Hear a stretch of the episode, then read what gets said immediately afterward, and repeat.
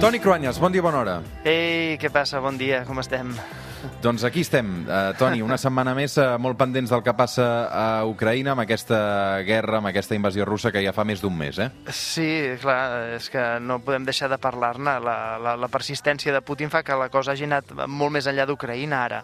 Uh, estem parlant aquesta setmana ja d'una una solució que, que passa necessàriament per al posicionament de tota la resta del món. Avui ens fixarem amb el Toni Cruanyes, amb un actor polític i militar que els últims anys havia quedat en un segon pla, però que aquestes últimes setmanes torna a estar a l'ordre del dia. NATO has never, never been more united than it is today. Putin is getting exactly the opposite what he intended to have as a consequence of going into Ukraine és el president dels Estats Units, Joe Biden, que diu que l'OTAN torna a estar més unida que mai. I avui, precisament, parlarem de l'OTAN. Justament aquesta setmana els 40 països que en són membres s'han reunit a Brussel·les i aquesta guerra, Toni, és eh, de Rússia contra l'OTAN, la podem definir així. Em temo que en bona part sí. Eh, per això avui explicarem la història de l'OTAN, perquè eh, això potser ens ajuda a entendre una mica més el fons d'aquesta guerra que estem vivint. Avui amb el Toni Cruanyes parlem de la història de l'OTAN. Una organització que va néixer després de la Segona Guerra Mundial, una guerra que van guanyar, no oblidem, els Estats Units, els britànics, l'Europa Occidental i la Unió Soviètica. Això, que ho recullen els llibres d'història, potser no apareix tant en les pel·lícules o en la cultura popular dominada per Occident, però sense el bàndol soviètic potser Hitler hauria guanyat la guerra i la importància de la URSS en aquell moment era tan gran que, de facto, el món va quedar dividit en dos blocs, a l'entorn de les dues grans potències del que restava del segle XX, els Estats Units i Rússia. I en aquell moment tampoc estava tan clar quina de les dues potències prevaldria. L'any 1949, en plena arrencada del que seria la Guerra Freda, la URSS ja era una federació de països que s'ajudaven, també militarment. En canvi, els aliats dels nord-americans no tenien cap estructura i es van reunir per crear un organisme internacional de defensa conjunta. Com que els primers països van ser Canadà, el Regne Unit, França, Itàlia, Bèlgica, Holanda, Luxemburg, Dinamarca, Islàndia i Portugal, van tirar de geografia per buscar-li un nom i per això en van dir Organització del Tractat de l'Atlàntic Nord, OTAN. La base més important de l'OTAN quina era? la dissuasió respecte a Rússia. L'article 5 del tractat diu que un atac a qualsevol dels països que en formaven part tindria una resposta col·lectiva, de tots ells. Aquest principi, que encara recull l'OTAN avui, era una manera d'evitar que Moscou volgués atacar algun país més petit, sobretot algun país europeu. Почему, когда выступал здесь господин, представляющий свою страну Конго,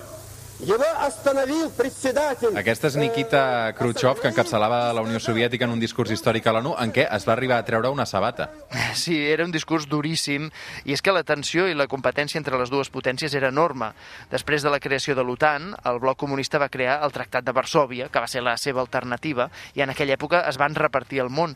Només en aquesta competència russo-occidental s'entenen conflictes com la guerra del Vietnam, la de l'Afganistan, o, o moments d'alta tensió com la crisi crisi dels míssils a Bahia de Cochinos a Cuba l'any 1961.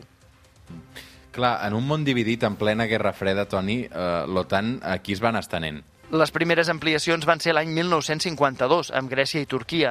El 1955 s'hi integraria l'Alemanya Occidental i el 1982 s'hi afegiria Espanya. I, I no sense polèmica interna, perquè els socialistes, que havien guanyat les eleccions per primera vegada aquell any, amb Felipe González, havien fet famós l'eslògan OTAN d'entrada no, però que va acabar sent que sí, com va saber ridiculitzar la trinca. I l'OTAN!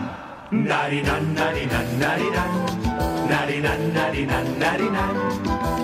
Clar, en aquella època eh, hi ha una cançó de la Trinca per cada moment històric de, de Catalunya, eh, fins, a, fins a finals del segle, no?, del segle XX. Sí, mira, hi era una altra cançó que també representa un moment històric mundial molt important. We don't need no education.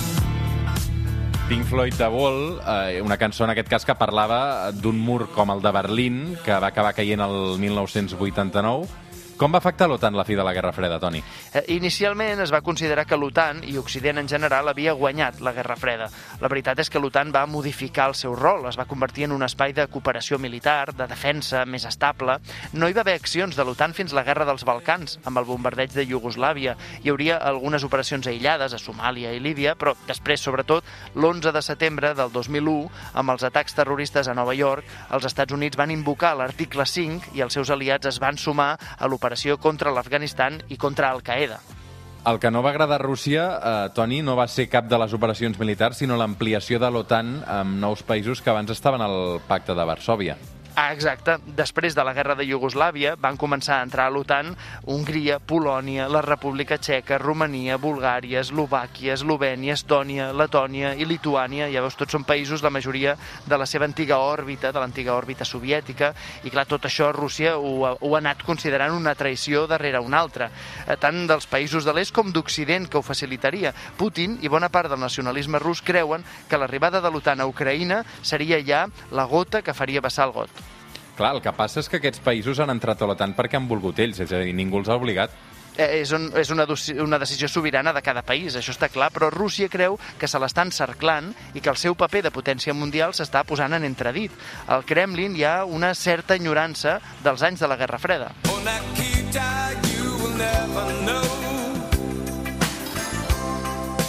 Anything about my home. Continuarem parlant de Rússia i d'Ucraïna uns quants dies, crec que encara. Arribarem a les 9 avui amb aquesta cançó d'Elton John que fa molt també de Guerra Freda i que es diu Nikita. Bon diumenge, Toni. Bon diumenge.